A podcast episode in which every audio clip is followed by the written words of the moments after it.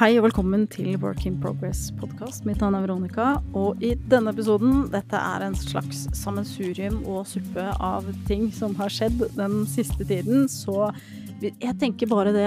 Hvis du kjenner deg tråkket mot å lytte til denne podkasten, så skal du høre på denne podkasten.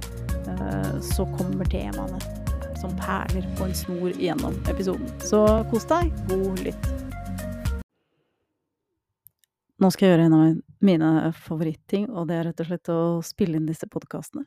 Det er Sjøl om det ikke er så Det er ikke noe sånn fast intervall på episodene eller noen sånne ting, men det er en Det er så fin outlet for meg sjøl å få ut det jeg tenker på, ting jeg sitter og reflekterer på, og gjerne så kommer jo det her på kvelden når jeg skal legge meg, så det er et eller annet med at verden blir stille alle mennesker sover, og så begynner hjernen min å prosessere ting.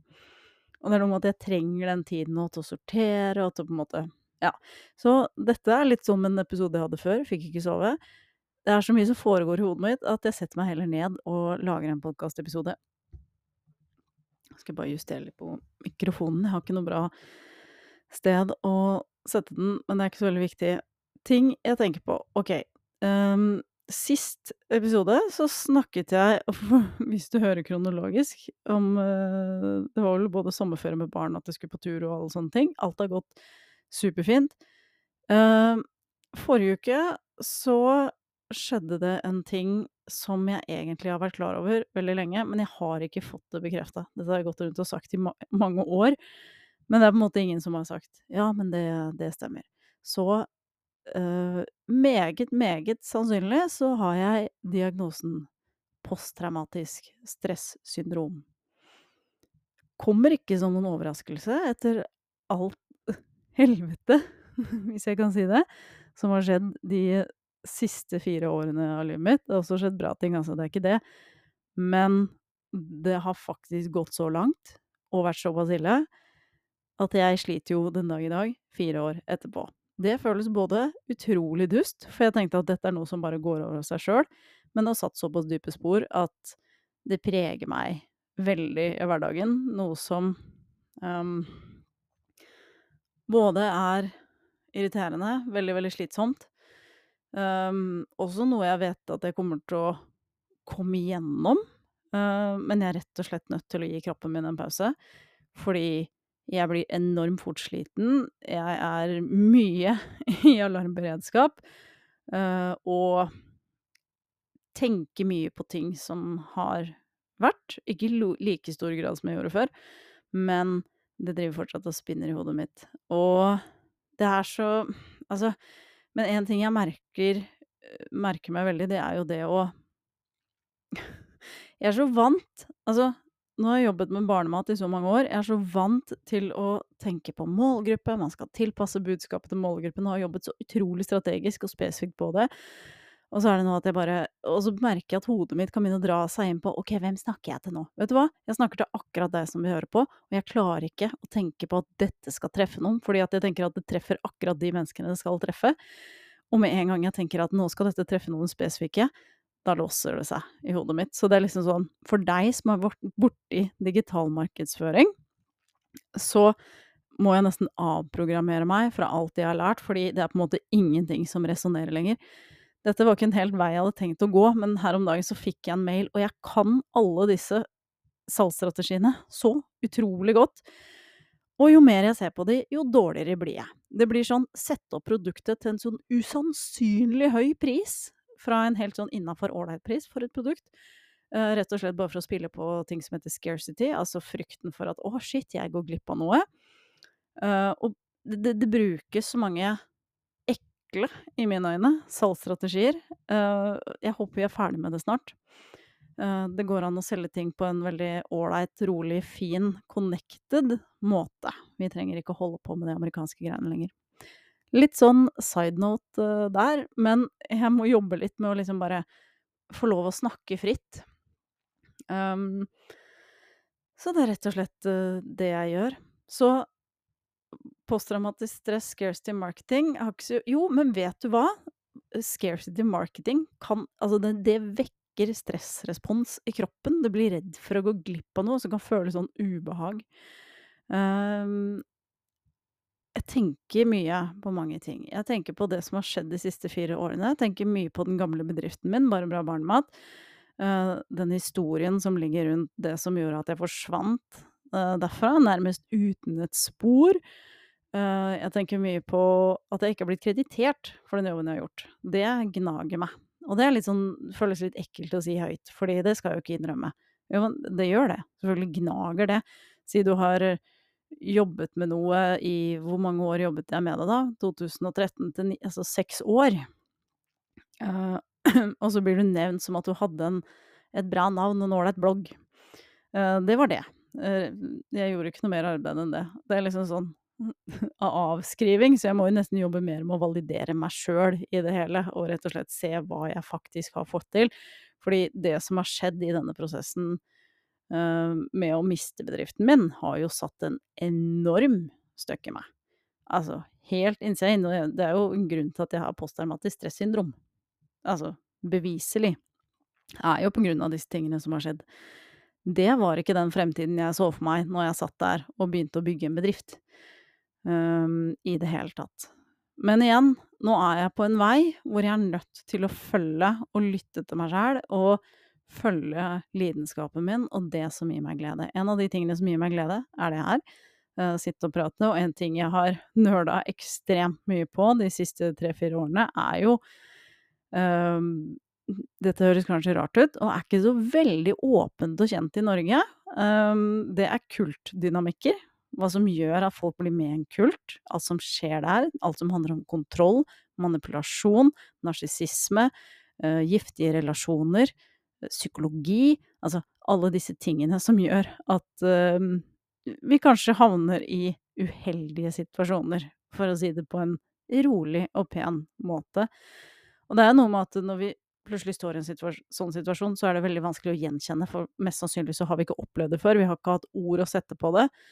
Um, det altså også når det skjer en veldig voldsom hendelse, altså når jeg Alt skjedde med min bedrift, så tror jeg rett og slett at jeg gikk inn i en sånn slags sjokktilstand. Altså, du har jo disse Nå er ikke jeg noen fagekspert på dette området, jeg bare reflekterer over ting jeg har lest, hørt og sett. Uh, men vi har jo disse tilstandene av fight, flight and freeze. Uh, jeg tror rett og slett at jeg bare la meg ned, uh, og bare Hva gjør jeg nå? Og jeg hadde null kampvilje i kroppen min til å prøve å redde det.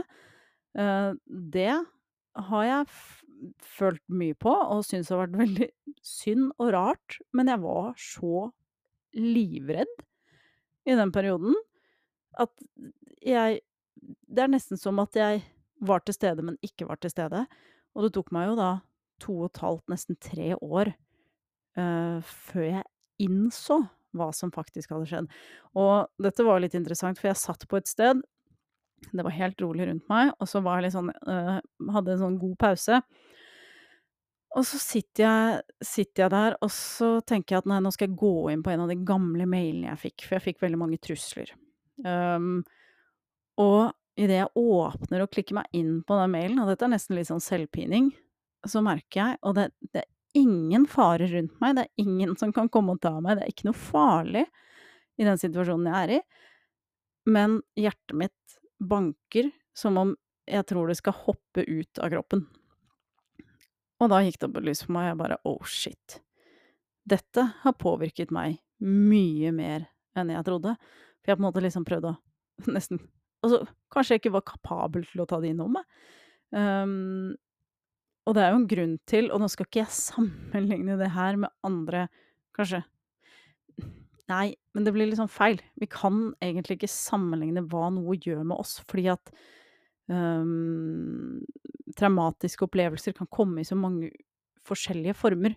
Og noe som vil være traumatisk for meg, vil ikke nødvendigvis være det for deg, men noe du opplever, og omvendt. Altså sånn Det er ikke noen konkurranse mellom de forskjellige opplevelsene. Uh, og alle er på en måte like mye verdt, og hvordan det påvirker oss. Uh, så jeg må rett og slett innse dette for meg sjøl, hvordan dette har påvirka meg i veldig stor grad uh, i livet mitt.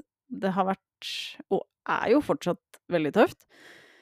Um, og det er jo egentlig ikke noe jeg har lyst til å gå og rope rundt, fordi at vanligvis så er det sånn at ok, man går på en smell, og så gjør man en fantastisk transformasjon, og så kommer man ut på andre siden og ser her, sånn gjorde jeg det. Uh, jeg vet ikke helt hvordan jeg skal gjøre det enda. Jeg jobber på, og jeg prøver jo altså hver dag, men det er jo på en måte noe med at det er akkurat som kroppen bare sier nå skal du ha en pause. Altså jeg aner ikke om jeg kommer til å jobbe med mat igjen i det hele tatt. når, når, skal, når sant skal sies, så på slutten, uh, når jeg hadde min egen bedrift, så hadde jeg nok jobbet så mye. Fordi det er jo ikke bare dette fysisk jobber, men alt går i hodet hele tiden. Jeg hadde hovedansvaret, og sto jo for alle kampanjer og på en måte strategier og så mye drift at Eh, det jeg har skjønt i etterkant, er at det mest sannsynlig var ganske utbrent. Fordi disse det begynte å bli bare sånn åh, jeg orker ikke å ta i det lenger, omtrent. Og da er det kanskje mye lettere å ikke kjempe for det igjen i etterkant, da. Fordi jeg er sliten, fordi jeg begynner å bli lei, uh, fordi innboksen min stadig er full av masse mailer, og det er jo så mange fantastiske mennesker som vi uh, fikk mail fra. Men jeg bare kjente at oi, nå begynner det å bli skikkelig, skikkelig mye. Um, og underveis i denne prosessen hvor jeg mistet altså, mistet bedriften min, jeg ble jo skvisa ut, um, så uh, mistet jeg jo da mailen min, altså den uh, som gikk til Veronica at barebrabarnemat.no. Uh, uten at jeg hadde noe jeg skulle sagt til det. Men da fikk jeg jo ikke lenger mailer i innboksen min, og for meg så var det egentlig en stor lettelse. Og jeg begynner å skjønne hvor på en måte sliten jeg har vært i den i den prosessen. Så nå er det mye babling rundt det her, og det kommer nok mer uh, nudges fra det her. Um, så jeg får egentlig bare se hva som kommer, og hva som kommer når. Og så nå, nå får jeg sånn tanke at å, nå, Veronica, nå må du lage en sånn bra episode, sånn at folk faktisk hører. Men vet du hva, jeg no, har hatt noen opplevelser som er veldig merkelige de siste dagene.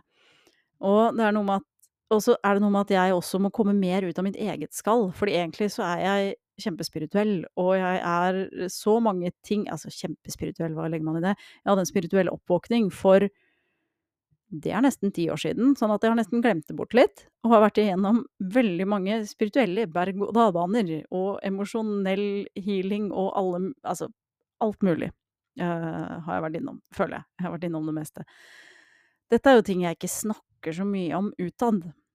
Uh, kanskje det er en veldig god timing å heller ta det opp nå enn det var når man står midt i en spirituell oppvåkning, for da er det mye love and light og mye happiness, men det er noe med at når du våkner uh, til at du er mer enn et menneske, at det er et univers, at ting henger sammen, uh, så er det utrolig spennende, utrolig mye å finne ut av. Men det betyr også at du må ned på det dypeste dypet av deg sjæl, og rett og slett jobbe mye emosjonelt, med følelser i kroppen. Det er mange ting vi må innse. Um, relasjoner som hvis du står oppi det, mest sannsynligvis kommer til å falle fra. Uh, dette har jeg opplevd mye, mye i livet mitt, fordi jeg har vært nødt til å f.eks. sette grenser for meg sjøl og stå opp for meg sjøl, og jeg tror dette er også mye av det livet vårt handler om. Hvis man velger å gå den veien. Og det er jo det som er så utrolig viktig. Alle trenger ikke å ha en oppvåkning, alle trenger ikke å gjøre sånn, alle trenger ikke Altså, Uh, du vet den der frasen at du skal få mer frihet fordi du starter din egen business. Altså ja, vi søker kanskje mer frihet, men det er jo ikke nødvendigvis at MLM eller en business er løsningen. Um, så det, det, er egentlig dette, dette, blir rotete, sånn som det pleier å bli, men det er mange ting som jeg ser og observerer, og så reagerer jeg på det. Det er sånn fordi mest sannsynlig i min verden, og sånn som jeg ser det, så stemmer ikke det her. Og det blir solgt inn på sånne måter som gjør at det er utrolig forlokkende å følge den veien, og så ender det bare med at man går kanskje lenger ned i gørra.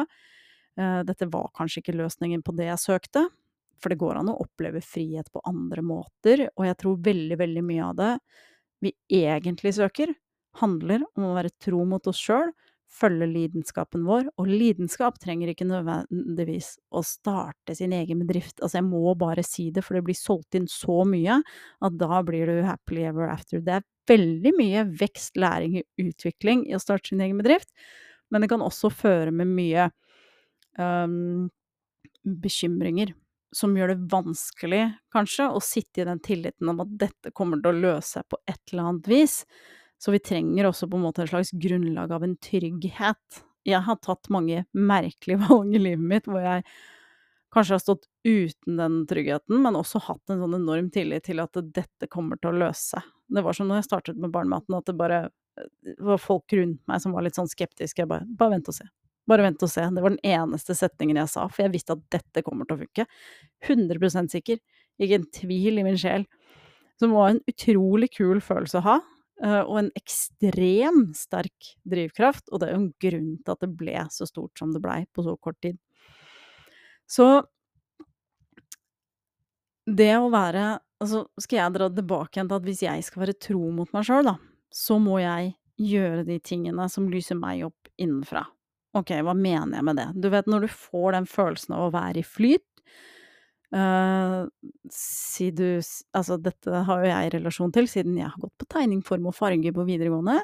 Det å sitte og tegne, at du mister tid, sted og rom, uh, det er en veldig god indikator på at du gjør noe som du syns er veldig, veldig gøy. Uh, du vet når du kan sitte med en ting, og så føler det seg ut som det har gått et kvarter, og så har det gått, egentlig gått tre timer. Og det og det kan være så mangt, ikke sant. Og dette vil jo være forskjellig fra individ til individ. Noe jeg elsker, vil ikke nødvendigvis du elsker, men det er så viktig at du begynner å utforske de tingene uh, vi liker å gjøre. For da vil vi oppleve mer glede på innsiden, som er da ekte glede. Ikke glede vi får gjennom å Det var et gammelt innlegg som poppa opp, uh, som jeg delte i 2018, faktisk, hvor jeg skrev om akkurat det her om det at Altså, den gleden kommer jo ikke gjennom å kjøpe en finere bil, eller og en enda finere bil, eller et enda større hus, og få enda mer lån, og liksom alle de materialistiske tingene. Ja, det kan føles godt og deilig og alt det der, men hva man klarer å få den følelsen der man står, da, ved å gjøre små justeringer i det livet man allerede har. Og så vet jeg samtidig at veldig mange nå og her kommer den mer sånn spirituelle biten inn, da. Så er det nødvendigvis spirituelt, eller er det utviklingen av mennesket? Det kan man jo lure på. Men det er ut ifra alt det jeg ser, og nå, dette kan jeg ikke ta for en Ta for én god fisk, ta for god fisk. Uh, det er at mennesket er jo i utvikling. Vi er i en oppvåkningsprosess.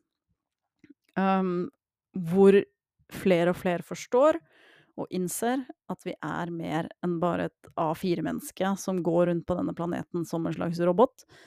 Uh, flere og flere våkner til at det er noe mer, ikke sant. Vi er connected med hverandre, med planeten, med alt som lever her, med Og nå senest så bekrefter de at ja, det finnes jo liv i rommet.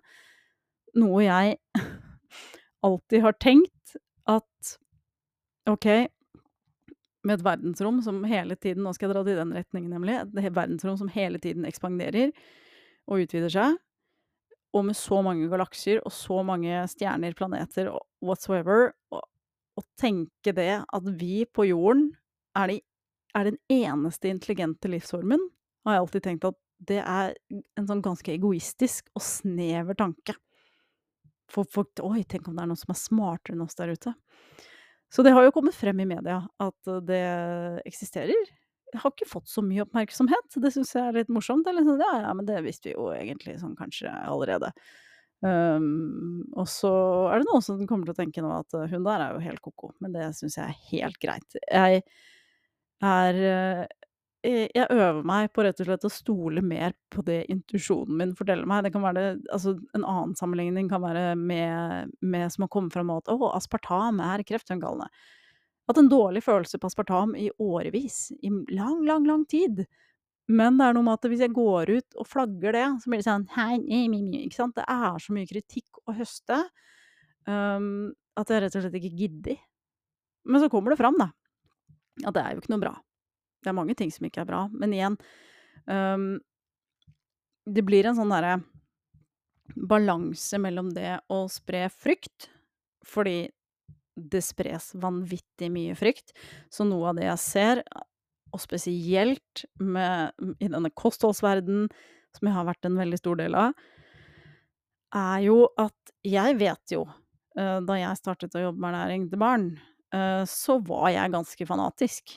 Altså sånn Jeg husker at jeg hadde en tanke, og den, eh, skal jeg dele høyt og ærlig, om at jeg syns jo at folk som, eh, spiste sukker, eller som spiste ga barna sine sukker, de var teite. Så jeg dømte jo skikkelig, og det er interessant. Uh, og det har nok blitt spredd ut i den energien som ble delt. Um, men samtidig så var jo ikke det en kommunikasjon som var utad, men jeg kjente at jeg ble litt sånn irritert. Det, bare si det, ble ikke irritert lenger. Det er ganske lenge siden det slutta.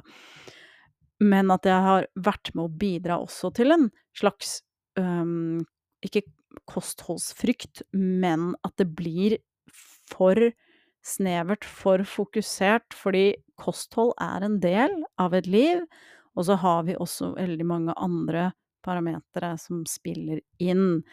Og jeg tenker nesten det nå at ja, mat er viktig, og det finnes mange gode aktører der ute som snakker mye om mat og hva som er bra, og så trenger vi å dra det litt ned på jorda igjen.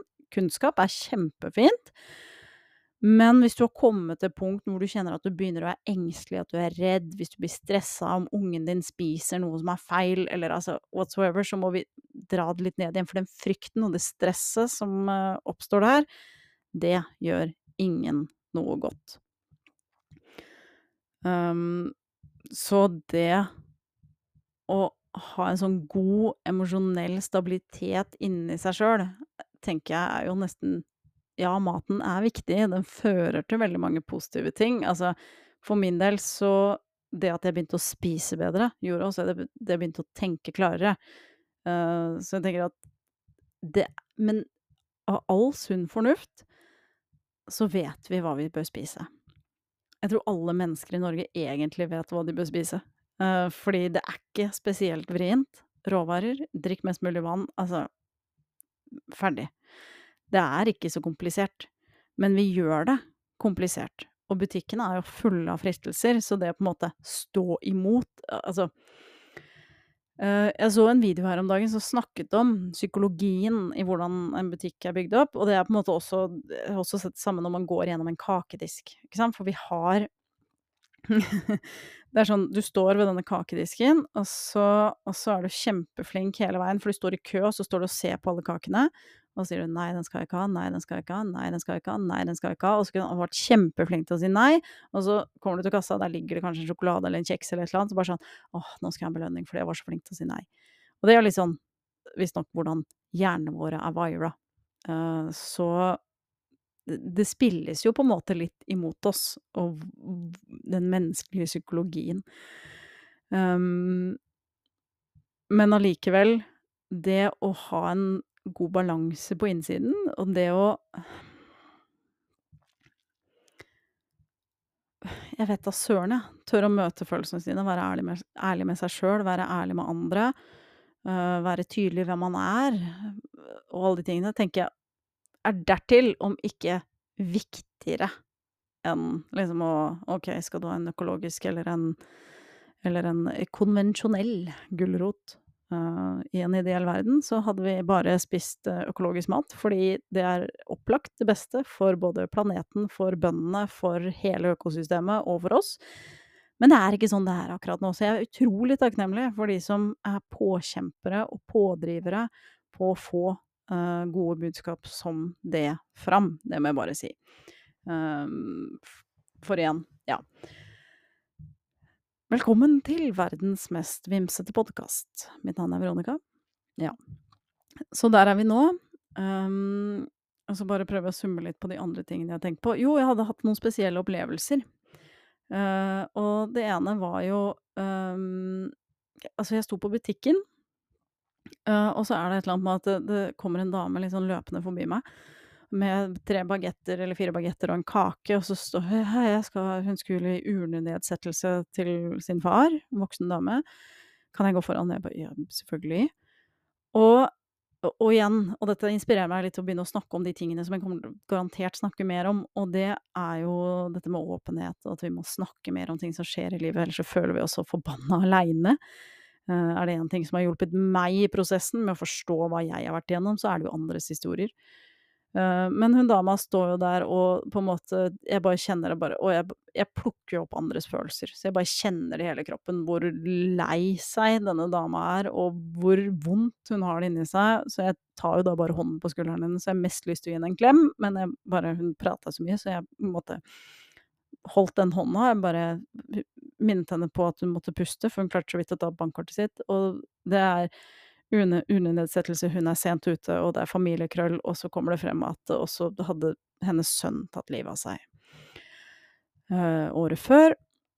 Og det skulle ikke snakkes om i familien. Og jeg kjenner at bare, dette er jo en av de tingene jeg virkelig har ønsket å snakke mer om. Alle de tabuene, alle de tingene vi legger lokk på, alt det vi ikke snakker om, all skammen som vi bærer med oss fra tidligere generasjoner, fordi at ting skulle jo da ikke snakkes om feies under teppet. Altså, det er så mye som blir feid under teppet. Og eh, det er på en måte eh, Min erfaring det er at når jeg åpner opp, så gir det også rom for andre til å åpne opp. Uh, gjorde det gjennom en, en, liten sånn gruppe jeg hadde en gang. Det er ikke noe aktivitet der nå, det kan hende det blir igjen, kanskje ikke, hvem vet. Uh, som het Mammakraft Community. Og, og, jeg snakket ganske mye om litt forskjellige temaer. Uh, som går på det med altså, rett og slett å åpne opp. Og den responsen som kom der, var jo et veldig tydelig bevis på at dette er noe vi trenger mer av. Vi trenger mer av kunne Altså, ja, og det er vel på en måte den retningen jeg føler jeg går tilbake inn igjen, uh, egentlig. Fordi det er et eller annet med å ta tak i det skikkelig skitne sluket og dra opp all gørra og rense det sånn at det er helt rent, sånn at det ikke lenger Altså, det ikke lenger er noe skam om å snakke om, uh, om ting. Sånn at jeg kommer nok til å komme inn på veldig mange tingene jeg har av de tingene jeg har øh, opplevd på min vei. Og det er jo ikke det at dette er så unikt og spesielt, og du trenger å Altså, nei, altså Hadde du ikke giddet hørt på, så hadde du jo slått deg for lengst. Men, men det at vi kan snakke mer åpent om ting, hva som skjer i livene våre Og selvfølgelig, man kan jo være passe på hvem man deler med, men det er veldig mange mennesker der ute som også vil forstå. Uh, som vil ha empati, og jeg tenker at det er de menneskene man skal, skal beholde. Uh, uh, jeg husker, jeg kan komme med ett eksempel, og det var i 2018. Da ble jeg skilt. Det var jo ikke noe jeg trodde kom til å skje, men det kom til et punkt at det måtte skje. Det var ikke noe dramatisk greie, men for min del så var det det jeg kjente var riktig å gjøre. Og, og alt rundt dette gikk jo veldig fint for seg uh, mellom oss, og vi er gode venner og alt, alle de tingene der, så det er jeg veldig takknemlig for. Men det som skjedde rundt meg, var kanskje det som var mer interessant, fordi det første jeg begynte å kjenne på når jeg bare merket at dette gikk den retningen, det var jo skam. Ikke sant, det å bli skilt, for en skam. Det er jo ikke noe man skal bli, da har man på en måte gitt opp. Mens igjen da, så er jeg så opptatt av at man må ta Man skal jo ikke stå i en situasjon bare fordi man har bestemt meg for at her skal jeg på død og liv stå. Man skal selvfølgelig prøve å jobbe med forskjellige løsninger først, men når man kjenner at det går ikke, så må man ta det valget som er best for seg. Hvis ikke så går man til å gå på kompromiss med seg sjøl resten av livet, og mest sannsynligvis ikke oppleve denne indre gleden og den, den, den uh, følelsen der, da. Um, og det jeg også merket med mennesker rundt meg, det var jo også veldig mange åpne og støttende, men så har du noen fåtall som på en måte var litt sånn Jeg hadde en veldig nær venninne som jeg bare tenkte nå skal jeg bare åpne opp litt, og så skal jeg se hvor landet ligger. Uh, og da husker jeg satt, satt ved siden av henne, og så sa jeg på en måte det at uh, det, det, det, går ikke så bra hjemme, liksom, og trengte noen å snakke med, egentlig. For det er jo veldig fint å kunne snakke med noen. Og så var det akkurat som det var en isfront som bare gikk ned foran meg, for jeg, setter jo ut følere først. Hvordan ligger dette an? Og så får jeg bare den kommentaren at ja, men det er annerledes når du har barn. Bam. Ferdig. Det var ikke noe mer jeg skulle si. Altså, det var, etter det så holdt jeg kjeft og tenkte at her er det ikke vits i å si noe. For her kommer jeg bare til å få kjeft og skyld og whatsoever. Det var ikke det jeg var interessert i. Jeg trengte jo en, en person jeg kunne snakke med. Um, heldigvis så hadde en annen venninne da som var i samme situasjon, som skjønte greia. Um, men dette er jo litt det som skjer på denne denne veien, det det å føle på den skammen da over å bli skilt, for eksempel, eller, uh, skammen over altså, det kan være så så mange ting. Sånn at jeg skal nok inn i dypet av veldig mange av de tingene jeg har opplevd, for det er no også noe av det skumleste og mest nakne jeg kan gjøre. Men igjen da, så sitter jeg og tenker: er det jeg har å tape? Egentlig ingenting. Skal jeg tape ansikt? Ja, men for hvem? Altså, nå er jeg på et punkt hvor jeg altså, jeg har veldig mange gode mennesker i livet mitt. Uh, stabile mennesker i livet mitt. Veldig, veldig takknemlig for det. Uh, og igjen, nå kommer jeg tilbake igjen til det med at eh, det med denne spirituelle oppvåkningen og at jorden jorden vår altså at vi er i en, uh, utviklingsprosess, og flere og flere våkner til at det er noe mer, og igjen da, som betyr at vi er våkner også til alt dette grumset som kommer opp. Det skjer mye relasjoner, det skjer mye i verden, altså det skjer mye, altså fordi at man kan ikke altså alle disse følelsene som vi har dytta ned og dytta ned og dytta ned og dytta ned og dytta ned og la klokk på og bare sier at 'hvordan går det med deg?' 'Nei, her går det fint, vi har det kjempefint'. Eh, de vil på et punkt begynne å boble oppover mot overflaten, og da er det spørsmålet da hvordan vi skal ta tak i de følelsene. Og dette er ikke nødvendigvis enkelt, hvis vi ikke har lært det, og hvem hvem hadde følelser one on one på skolen? I hvert fall ikke jeg. Så dette er jo noe vi må må lære lære oss sjøl. Eh, rett og slett. Det å tørre å møte følelsene våre, det å tørre å se på følelsene våre, det å sitte i disse ubehagelige følelsene, og guri malla så mye jeg har gjort det. Å sitte i frykt, og sitte i alt mulig rart. Og eh, jeg fikk jo også en eh, kommentar her om at det syns jeg er så hyggelig, og det er på en måte jeg kjenner det jo disse menneskene jeg snakker til. Jeg merker at jeg har jo på en måte etter at jeg, eh, forsvant ut av barnematen, så trodde jeg at jeg hadde et nettverk av av mennesker i den gjengen. Eh, det viste seg at det hadde jeg ikke. Så da på en måte kan vi jo se hvor overfladisk ting er, for jeg tror ikke det er én person, eh, som har kommet og spurt meg 'Hei, eh, går det greit?' For det er ikke jeg som har fått lov å fortelle historien om hva som faktisk skjedde. Uh, som igjen da blir sånn, ok, ja, men da er det sånn det er, og det har jeg jo følt en bitterhet overfor. Og det er jo sånn jeg egentlig ikke heller skal si høyt. Men kan vi ikke heller bare snakke om disse følelsene, da? For jeg tipper at mange som sitter her har følt på bitterhet, men det er liksom ikke sånn vi skal føle, fordi vi og i tillegg så er vi damer, så vi skal oppføre oss ålreit, så skal vi være overfladisk blide, og skal vi si hei, hei, ja, hvordan går det med deg? Og så går man kanskje og snakker dritt om den personen rundt neste hjørne. Det syns jeg ikke vi skal drive med, forresten. Um, men men igjen, uh, og og egentlig på en måte som jeg ser nå, sikkert søkt validering derfra på at på på at jeg er flink. Men dette er jo noe jeg må se i meg sjøl, ikke sant? Og dette er mange av de oppdagelsene som vi gjør i oss sjøl når vi begynner å gå innover og begynner å granske. Hva er det jeg egentlig trenger? Hva er det jeg egentlig søker? Um, og og det er på en måte og det kan jo ofte ha en Ok, nå er ikke jeg proff på det her, men det kan jo ofte ha en sammenheng med det vi har opplevd når vi var små, ting vi ikke har fått, ikke sant, som vi begynner å søke i voksen alder, sånn at vi kanskje er litt ute av balanse, da. Om vi noensinne kommer helt i balanse, det vet jeg ikke. Jeg jobber hver eneste dag, men det å ha posttraumatisk stress, noe som gjør meg vanvittig sliten til tider, fordi kroppen blir så aktivert, og etter at når den får lov å slappe av igjen, så blir jeg bare helt kjørt og kjempetrøtt, og jeg tar inn det er nesten sånn uansett hvor jeg er, så tar jeg inn alle omgivelsene, og jeg følger med, og jeg passer på, og det er veldig slitsomt.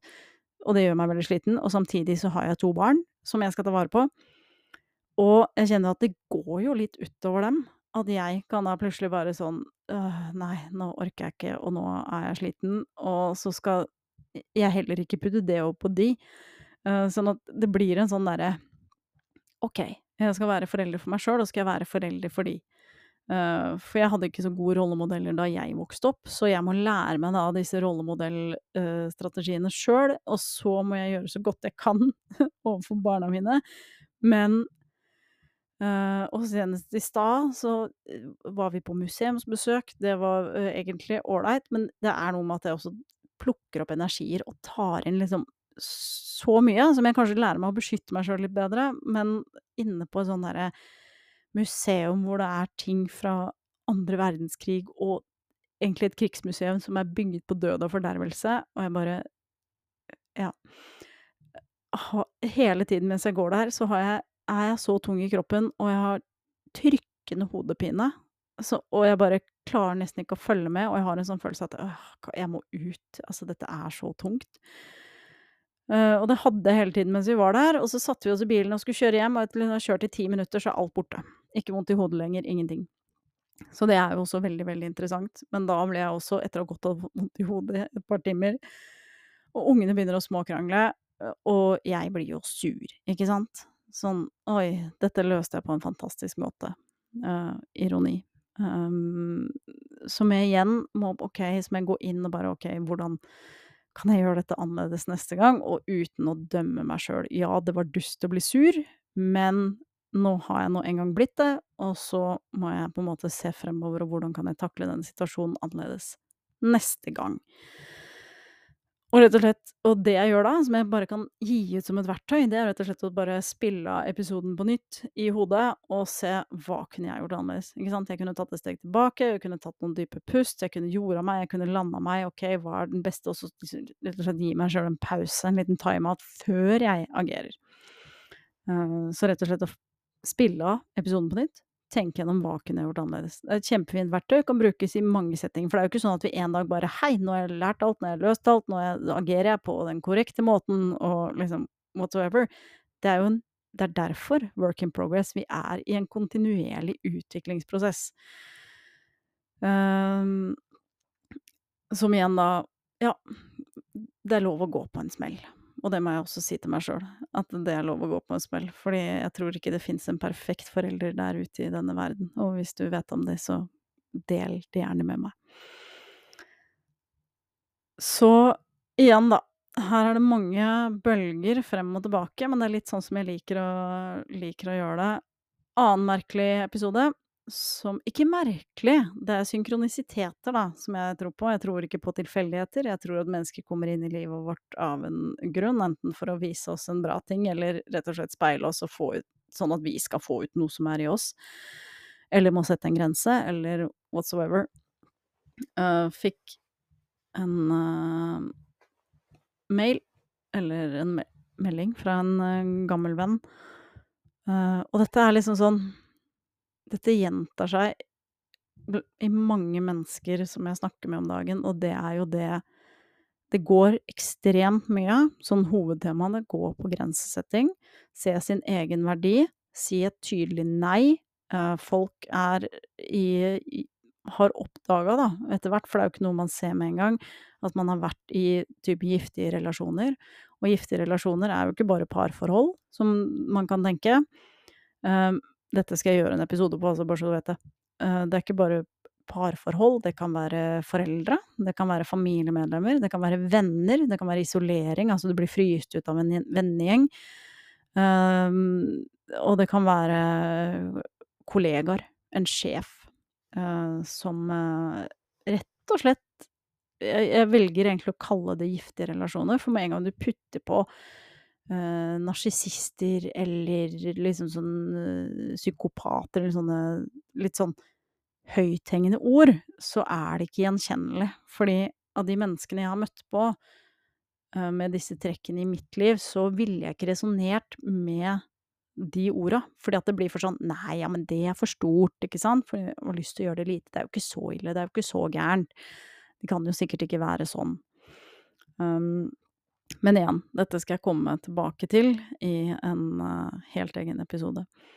Så, men temaene igjen, det er mye følelser som kommer opp om dagen. Det er mye som skal ses på, og det er litt som jeg snakket om å rense dette sluket, som igjen gjør at jeg får lyst til å snakke mer, åpne mer opp. Fordi vi er alle mennesker, og vi går absolutt alle går gjennom ulike typer utfordringer på den ene eller den andre måten, og det å i hvert fall kunne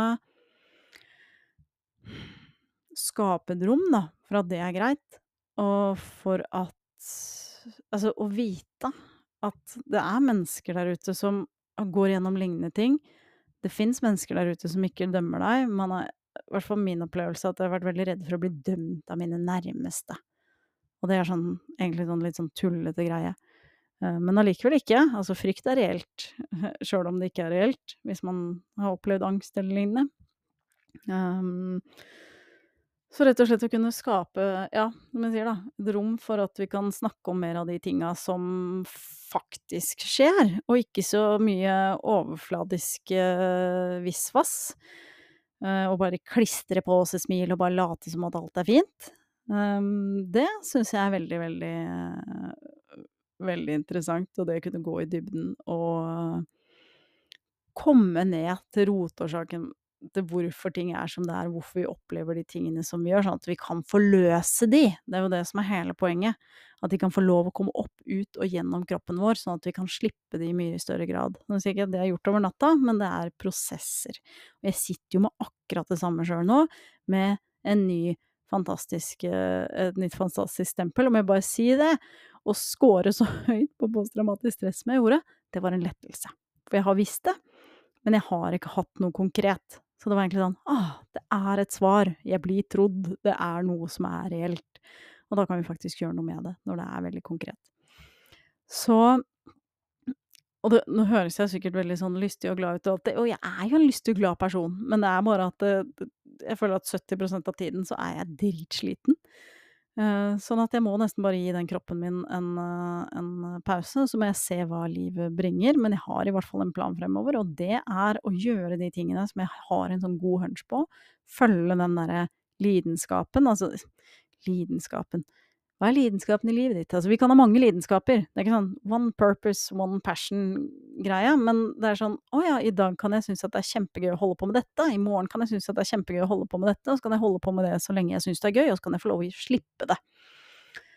Og rett og slett begynne å søke de, for jo mer vi gjør det, jo mer vil vi også oppleve denne gode følelsen på innsiden, sånn som å lage denne podkasten. Det er litt skrekkblanda fryd, for jeg føler at jeg vasser uti noen vann som kanskje er litt skumle for meg, men allikevel, som regel, når jeg har trykt på publiser på denne episoden, så tenker jeg egentlig ikke så mye mer på det, og så begynner det å tikke inn meldinger om at oi, det du sa der, det, det var viktig for meg sånn, og jeg tenker at hvis jeg kan sitte her og snakke inn i mikrofonen, og sørge Ikke sørge for, men at det gjør at folk oppdager nye ting ved seg selv fordi jeg deler om mine greier, så syns jeg det er helt fantastisk. For jeg tenker at dette er det også verden skal handle om, jeg. Vi er et fellesskap, sånn egentlig. Vi bare føler Altså, det føles bare veldig fragmentert. Så alle de som lytter til det her, vil jo være tiltrukket av det her, og resten vil jo gå en helt annen vei. Og det er jo helt greit. Så det kommer mer spennende ting i fremtiden. Og min plan for episodene fremover, det er rett og slett det jeg responderer på, det jeg syns er gøy, og det jeg syns er interessant å ta opp, det kommer jeg til å snakke om. Mest sannsynlig så handler det noe in om innenfor de temaene jeg har snakket om nå. Uh, så Eller om, man, om du har et spørsmål eller noe du lurer på, så kan hende jeg svarer på det, og kan hende jeg ikke svarer på det. Fordi jeg skal svare på det jeg syns er gøy, og det jeg syns interesserer meg. Og det det høres sånn egosentrisk ut. Det er ikke det. det dette er min podkast. Du kan lage din egen hvis du har lyst, eller du kan gå og høre på en annen. Uh, sånn at jeg snakker om de tingene jeg syns er gøy. Jeg tenker ikke på målgruppe, jeg tenker ikke på å treffe noen spesielle mennesker. Og det er egentlig veldig befriende, og det er veldig deilig. Så det kommer jeg til å fortsette med. Så ja, det var nok det jeg hadde for i dag. Nå er det sent, og nå skal jeg prøve å sove og se om jeg har fått alt det jeg tenkte på ut av hodet mitt, sjøl om det kommer ut i en sånn rotete rekkefølge. Og så høres vi igjen helt plutselig.